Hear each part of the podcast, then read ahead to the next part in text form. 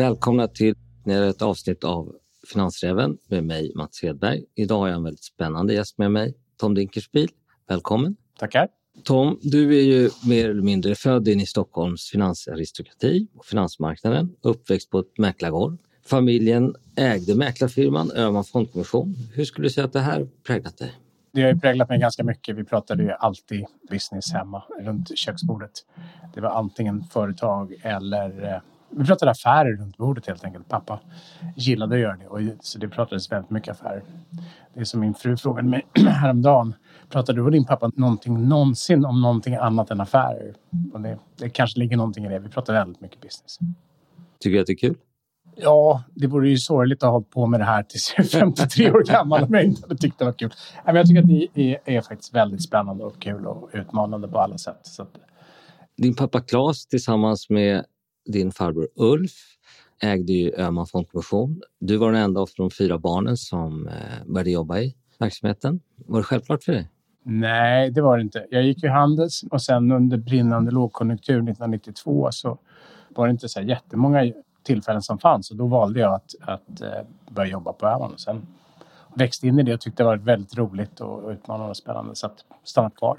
Jag har haft en kort session utanför firman 97-98 men annars har jag i princip varit där hela tiden. Vad gjorde du då? Då höll jag på med helt andra saker. Lite egna investeringar och tog, eh, utbildade mig till dykinstruktör. Så att, eh, det var min lilla 30-årskris där. Öhman Fondkommission var ju känt för sitt nytänkande. Ni var med och startade Nordnet, ni byggde upp Öhman Fonder. Och sen sålde du Öhman Fondkommission. Vi såg ju tidigt att branschen gick mot ökad transparens, ökad digitalisering och därför startade vi eh, Nordnet 96 tror jag. Och det där gjorde att det blev en stor press på, på courtaget och sen kom vi då in i en, en kris i 08.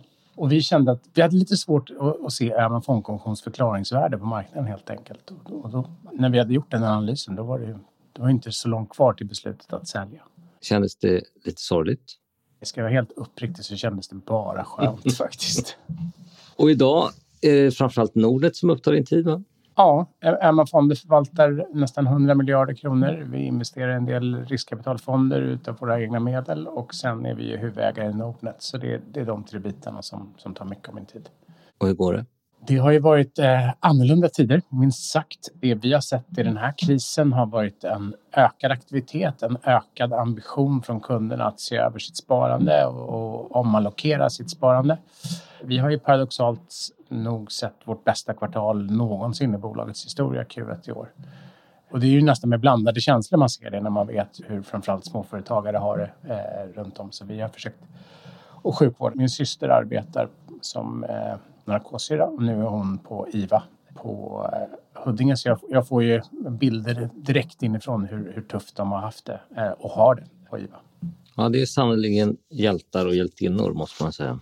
Ja, verkligen. Och det att bara sitta och titta på liksom kalla ekonomiska siffror känns svårt. Men vi försöker på alla sätt vi kan bistå våra kunder med så goda råd som möjligt för att de ska kunna skydda sitt sparande. Och liksom, det är, vår uppgift är ju att se till att tillhandahålla det, inte tillhandahålla någonting annat. Så vi ver verkligen försökt vara måna om våra kunder, eh, ännu mer måna och ännu mer kundfokuserade än vad vi tidigare varit. Ni köpte ut Nordnet tillsammans med Nordic Capital från börsen och P-firmorna som Nordic har ju en, alltid en exit-strategi. Kan det tänka sig att vi får se Nordnet på börsen igen? Det är inte alls omöjligt. Det ligger ju i korten så, så småningom att Nordic ska lämna. Men det har varit alltigenom en väldigt bra resa tillsammans med, med Nordic. Eh, vi har gjort det vi sa att vi skulle göra när vi köpte ut bolaget.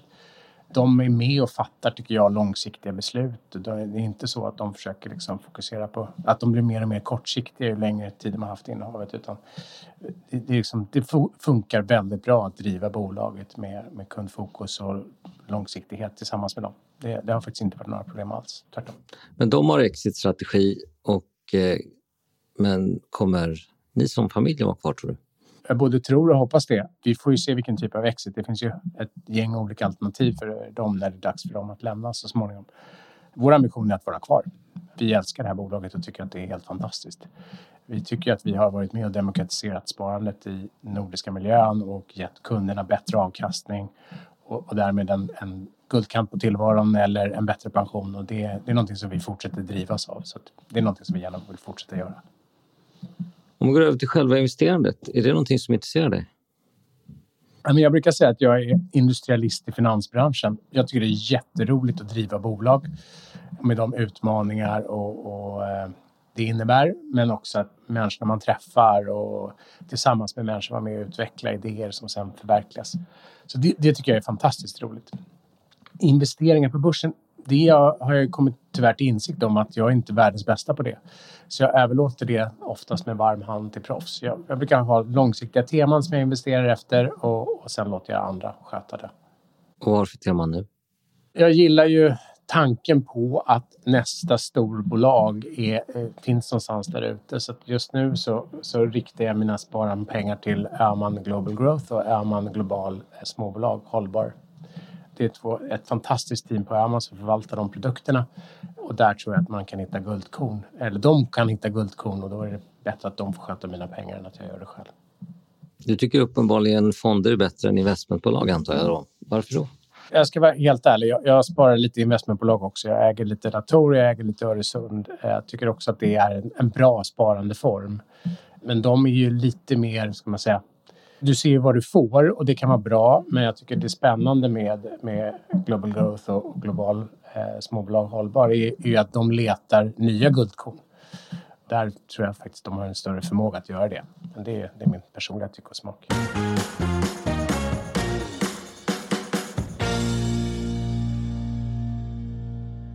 Om vi kommer tillbaka till din historik. Eh, har du haft någon förebild eller mentor som du har jobbat med?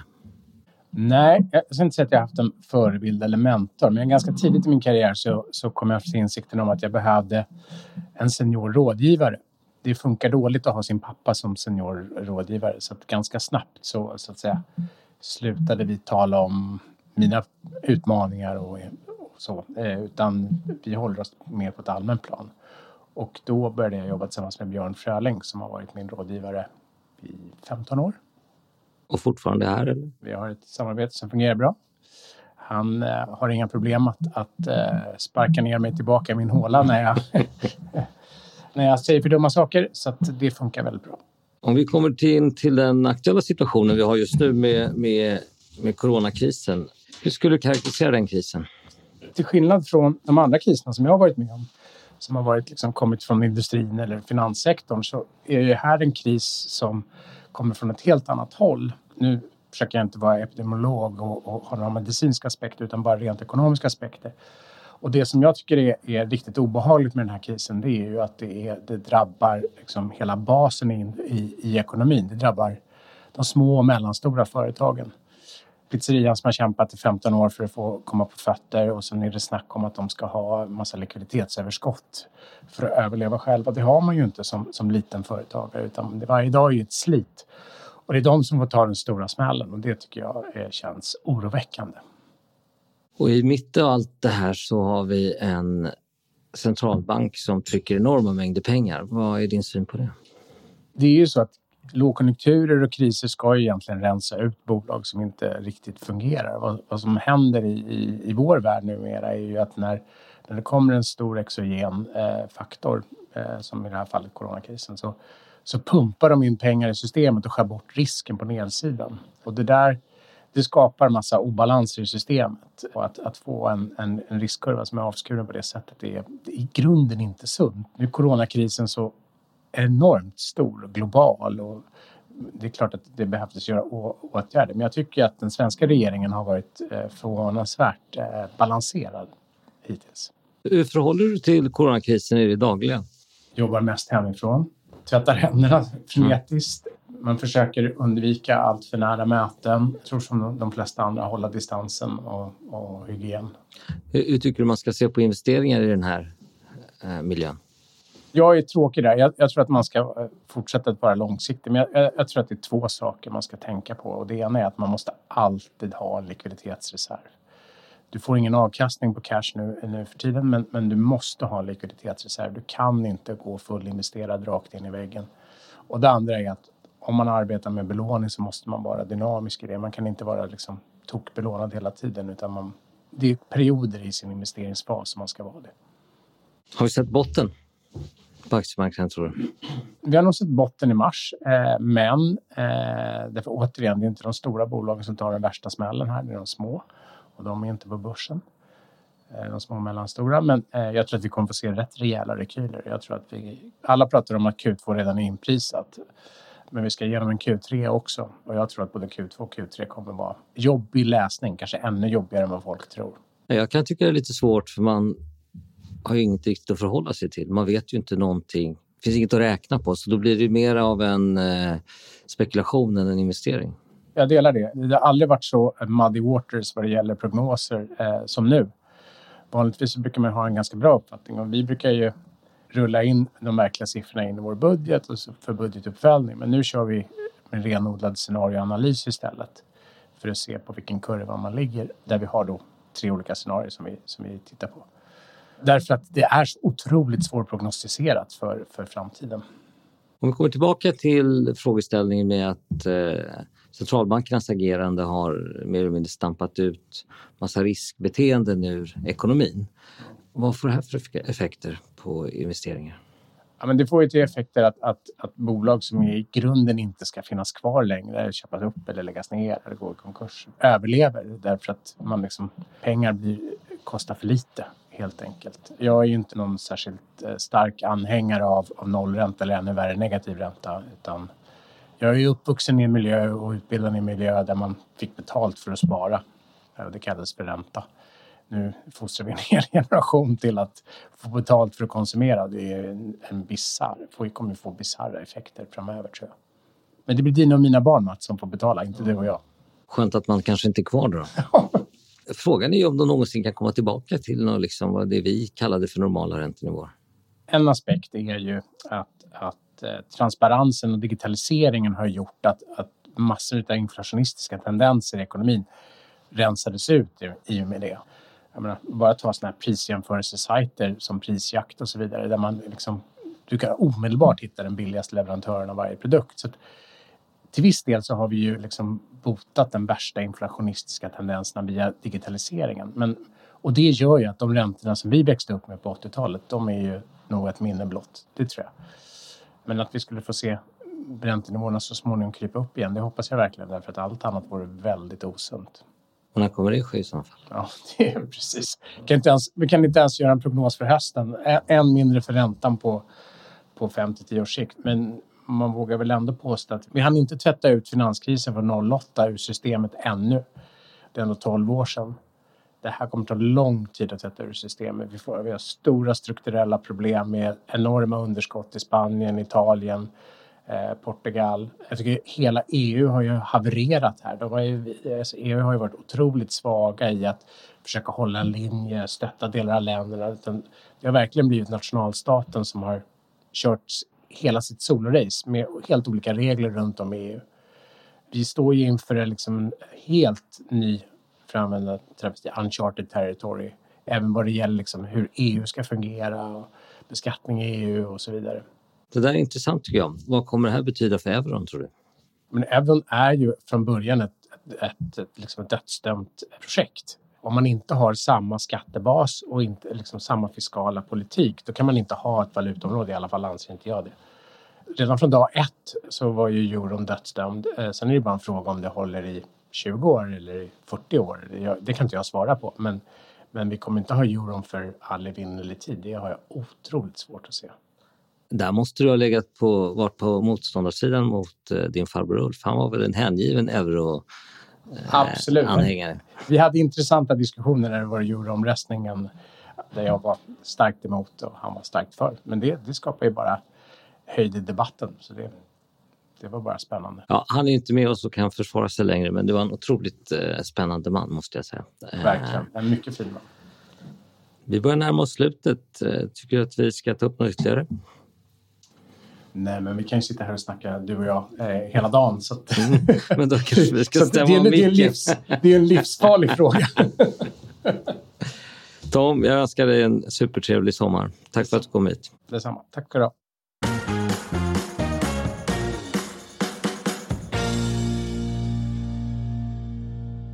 Jessica Martinsson, VD för Sprint Bioscience. Välkommen till Finansräven, hur skulle du beskriva ditt bolag? Vi är ett forskningsbolag som jobbar med att ta fram nya cancerläkemedel. Vårt fokus är att göra det inom områden som kallas för first in class, så att ingen annan har gjort det här tidigare. Eh, vi gör det också med en, en hög kvalitet som, som gör att de blir attraktiva för farmabolagen. Så fram till idag har vi gjort tre olika licensavtal där två fortfarande är aktiva och eh, där vi har ett potentiellt eh, totalt avtalsvärde på 470 miljoner dollar när det här kommer kunna bli ett färdigt läkemedel. Är det lätt att göra de här avtalen? Om man vet hur man gör är det lätt, som allt annat som man behärskar. Vi har ju från början byggt vårt bolag på vår grundarnas kunskap att bedriva industriell läkemedelsutveckling. Vi som startade bolaget kom från Astra och Pharmacia här i Sverige och eh, vet vilka typer av krav som farmabolagen ställer på ett läkemedelsprojekt. Och det har vi fortsatt att bygga på. Vi har systematiskt rekryterat personer med den typen av kompetens som vi eftersträvar och rekryterat flera personer ifrån det som AstraZenecas sajt eh, i Stockholm, här, Södertälje. Men också från andra delar av svensk läkemedelsindustri. Det är många småbolag som också har dragit ner på personal under de senaste åren. Och vi har sett till att eh, fortsätta plocka russinen ur kakan i den personal som finns. Den jätteduktiga personal som finns här i Sverige. Hur är sådana här avtal konstruerade? Vi har ett, ett, ganska likt upplägg på alla de tre avtal som vi har ingått. Eh, även det första som nu inte längre är i aktiv fas hos vår kund. Generellt så får vi först en accessbetalning för det ja, ingående av avtalet på några miljoner dollar eller euro beroende på vilken valuta vår kund hanterar. Sen har vi ju i de flesta avtal haft en period där vi aktivt också är med och arbetar. Vilket då gör att vi kan ha en löpande fakturering för vårt arbete. Sen har vi också i kontraktet väldigt tydligt definierade milstolpar där vi får delmålsbetalningar baserat på uppfyllda mål. Både i preklinisk fas men senare också när projektet går in i klinik. Vilket då typiskt är vid start av fas 1-studie, fas 2-studie och fas 3-studie. Och naturligtvis så ökar ju allt eftersom värdet på projekten ökar så ökar ju också de här, alltså summan på de delbetalningar som vi eh, kommer få ut. Och sen har vi också möjlighet för att få royalties på försäljning när det blir ett färdigt läkemedel. Är det den stora eh, uppsidan när man kommer hela vägen till läkemedel? Naturligtvis så är det ju där den, den stora potentialen finns. Men man ska också komma ihåg att från den stund som ett avtal ingås så har vi inte längre några kostnader för projekten. Det är istället vår kund som betalar istället för eh, våra investerare. Och att vi också vid den punkt när vi har ingått avtal faktiskt för de projekt hittills som vi har eh, licensierat ut redan vid licenstillfället faktiskt för det specifika projektet gått med vinst. Vilket också speglar hur effektiva vi är i de här tidiga faserna. Att vi kan få väldigt mycket forskning ut ur en ganska liten investering. Så ju fler avtal desto mindre risk, är det korrekt tolkat? Så är det absolut. Vi har ju visat att vi faktiskt har möjlighet att sälja våra projekt. Att vi kan starta projekt och driva dem på ett sätt som gör dem intressanta för farmabolagen. Eh, och ju fler projekt som vi kan eh, ha gående på väg mot klinik och mot marknad desto mindre blir ju risken för bolaget. Det är ju helt enkelt så att det finns en, en skalbarhet och eh, en riskminimering i att starta fler projekt. Men självklart så måste man ju fortsätta att välja rätt projekt så att man också vet att man kan sälja dem. Det tar vi ju reda på genom att vi från allra första början när vi startade ett projekt ger oss in i ett nytt område har dialog med våra mest välbekanta potentiella kunder och känner oss för vad ligger i luften just nu och vad är farmabolagen intresserade av när det gäller nya typer av cancerbehandlingar. Hur många projekt måste man starta rent statistiskt för att nå hela vägen fram till ett läkemedel? Det där är en fråga som det finns väldigt många olika siffror att eh, grotta runt i. Jag skulle säga att med modern statistik och med projekt som är uppsatt på ett så modernt sätt som möjligt så är ju chansen att ta sig hela vägen till marknad från start av klinisk studie ungefär 10 procent. Men man kan bli lönsamt även om man inte blir ett läkemedel, är det så? Vi har etablerat en affärsmodell som ger oss intäkter i väl i linje med hur värdet av projekten utvecklas i och med att vi får delmålsbetalningar vid varje sånt här tillfälle. Så absolut, från att vi har ingått ett avtal så, så är det ju ren vinst in i bolaget för det enskilda projektet. Så självklart, redan det första projektet som vi gjorde ett licens, en licensavtal om, ett projekt som heter MTH1 som vi utlicensierade 2015. Redan det projektet när vi utlicensierade det gjorde vi vinst eh, och vi drev det under ett års tid och fortsatt att ha intäkter på det. Så det visar ju att, att vi har hittat en nisch där vi på många sätt kan få intäkter. Naturligtvis så är ju vår ambition att vara med och ta ett projekt hela vägen till marknad och till patienter. Och eh, vi ser ju att ju fler skott på det målet man kan, kan få desto bättre chanser har man ju. Och hur lång tid tar det från att man startar till man eventuellt når i mål då eh, för den här riktigt stora pengen? Om allting rullar på med optimal fart så kan det ju gå på någonting mellan fem och tio år vilket ju i branschen är snabbt. Det säger ju lite om hur man måste vara rustad mentalt i den här branschen. Man måste också bryta ner aktiviteter i mindre steg och mindre målsättningar. För vår del är det viktigare att vi har en kund som delar vår målsättning att driva de här projekten framåt och att man faktiskt vill fortsätta att resurssätta. Det är ju en lite ombytlig bransch ibland och eh, ibland kan eh, saker och ting falla ur fokus för, för bolag av strategiska skäl på ett sätt som inte är direkt kopplat till vetenskapliga resultat. Och det är ju också någonting som kan vara en, en riskfaktor i den här typen av projekt. Alla projekt i alla portföljer i de stora bolagen. Så att vi har ju ett stort arbete när vi också hittar våra partners. Att de ska dela vår starka övertygelse om att det här är biologi som är värd att satsa på och det ska göras med den kvalitet som vi bygger in i våra projekt.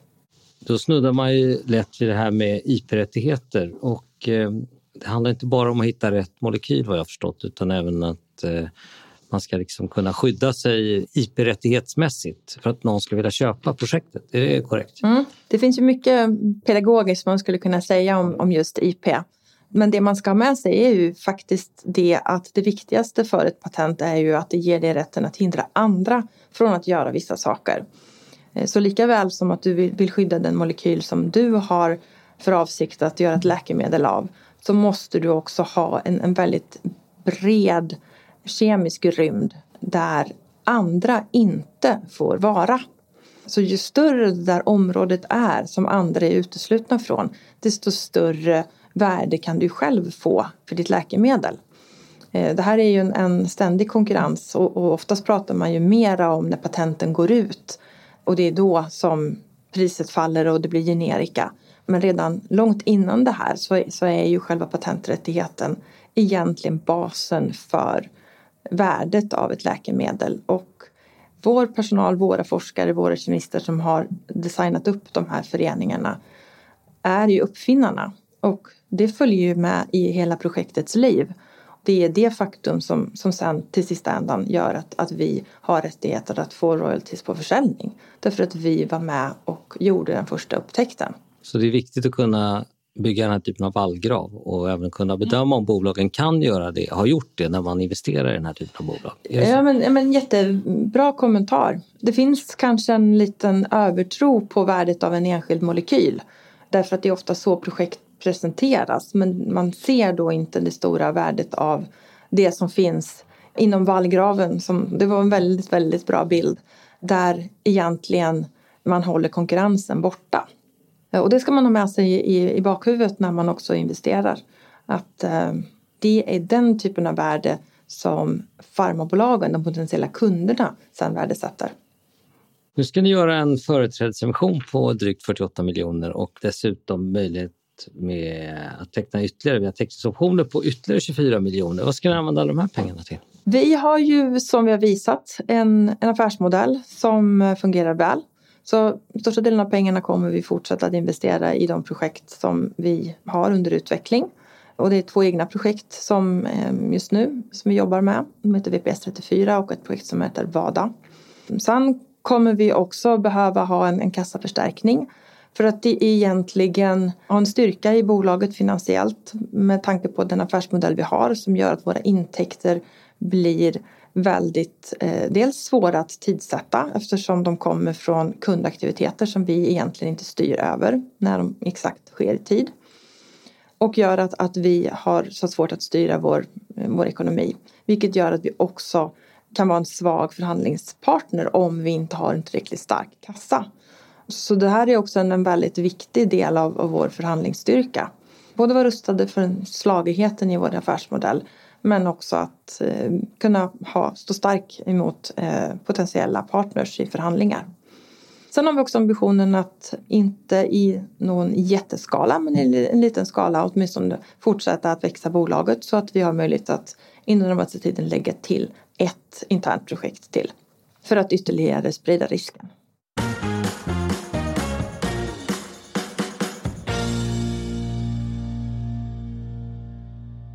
Ni säger i prospektet att ni ska bli stabilt och lönsamt och när eh, räknar du med att det ska ske? Vi är ett bolag som historiskt har haft ungefär lika stora intäkter via våra licensavtal som vi har tagit in pengar från marknaden. Den situationen kommer ju fortgå under kanske några år till.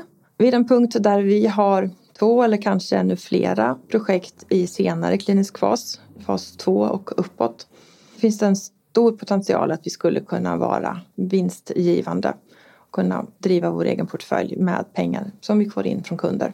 Sen så kommer vi under resans gång mycket troligt ha enstaka tillfällen där vi kommer kunna ta in, få in stora intäkter. Men vi är inte riktigt där än att vi kan vara det långsiktigt stabilt lönsamma bolag som vi siktar på att vara. Det behöver vi bygga lite, en bredare portfölj som har hunnit mogna längre fram i våra kunders händer innan vi är redo för den punkten. Det kan vara de som är intresserade av att veta hur lång tid man normalt ska räkna med att från det att man startar ett projekt till att man kan börja sälja det. Vi har ju nu det senaste året varit lite försiktigare gentemot våra kunder där vi tidigare i, i historiskt gick ut i princip direkt när vi startade ett projekt och berättade för våra kunder det är det här som är vårt target, eh, vårt målprotein. Nu vet vi att vi är tillräckligt kända i branschen bland de stora farmabolagen vilket gör att de projekt som vi väljer att fokusera på vet vi att de också, bara det faktum att Sprint Bioscience har det här i sin portfölj, det skapar ett intresse. Så vi har nu valt strategiskt att eh, de projekt som vi går ut med och aktivt säljer ska vi ha jobbat med i kanske ett, ett och ett halvt års tid innan vi berättar för våra farmarpartners om lite mer av detaljerna. Ganska nyligen så gick vi ut med det som är målproteinet för vårt VADA-projekt. Och det är ett kinas som heter VRK1 som är involverad i DNA damage som är en typ av område som många farmabolag just nu är väldigt intresserade av. Eh, och det är ett projekt som startade för ett och ett halvt år sedan och där vi nu har kommit till en punkt där vi är redo att börja lätta lite på locket och visa vad vi har fått ihop för våra potentiella kunder. Stämmer det, eller kan man säga att eh, ju fler projekt ni lyckas sälja ut, desto lättare blir det att göra nästa projekt? Mm. Det där är ju väldigt slående, eh, verkligen. Och också att vi har lyckats göra avtal nu på tre kontinenter. Vi har gjort avtal i både Europa, USA och i Asien. Särskilt i Asien har det varit stor skillnad. Vi har ett avtal med, med LG Chem, ett koreanskt bolag. Och det där har verkligen öppnat dörrarna in i Korea och övriga Asien.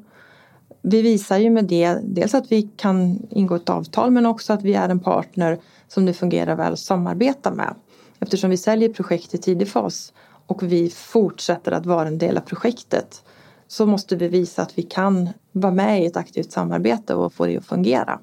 Så just nu i projektet med LGCAM har vi ju nästan veckovisa telefonmöten och, och delar data och information och jobbar verkligen tillsammans på samma sätt som om vi skulle ha ett sajt själva någonstans. Och det är en väldigt stark kvalitetsmarkör som andra bolag tittar på naturligtvis. Och det här är ju bolag som har gjort en omfattande liksom, granskning och due diligence av vårt arbete. Så självklart, det betyder jättemycket för, för nästa licensaffär. Så ni är mer kända i internationella läkemedelskretsar än vad ni är på svenska aktiemarknaden? Betydligt mer kända. Vi är kända för att vi levererar kvalitetsprojekt inom spännande områden och eh, vi har oftast lika många inbjudningar från farmabolagen själva som vi behöver bjuda in när vi reser på de här partneringmötena som vi använder för att få kontakt med nya kunder. Det är ju ingenting som har skett av en slump utan det här är resultatet av flera års väldigt systematiskt arbete gentemot de stora farmabolagen där vi både har tagit kontakt men också vårdar de kontakterna och fortsätter att uppdatera potentiella kunder om vad som händer i vår portfölj. Många underskattar behovet av en strukturerad säljprocess. Det är inte så att bara för att man har spännande forskning i sin portfölj så når den ut utan det är även inom läkemedelsbranschen så är det samma hårda säljarbete som, som gäller i vilka andra sammanhang som helst. Plus det faktum att vi också naturligtvis måste bygga förtroende på vår förmåga att leverera. Vår produkt är projekt under utveckling och vi måste hela tiden kunna visa för våra kunder att, att vi är en partner att lita på i de här sammanhangen. Är det någonting som du upplever underskattas som svenska forskningsbolag?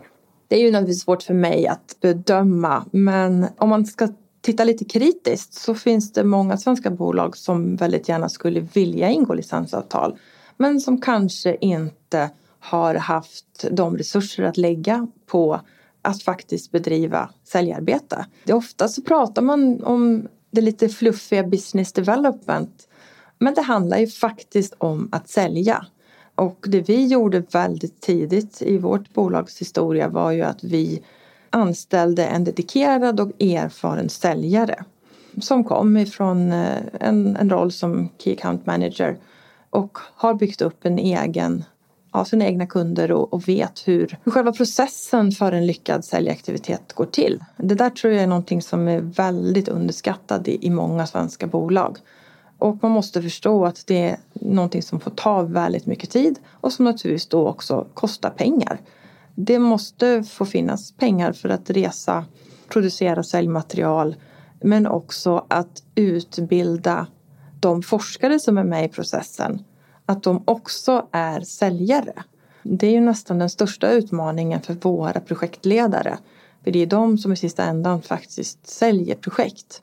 De har blivit väldigt duktiga på det här nu och väldigt erfarna. Att sitta över telefon och övertyga forskare på andra sidan jorden att det här är någonting som de ska se till att deras arbetsgivare investerar i.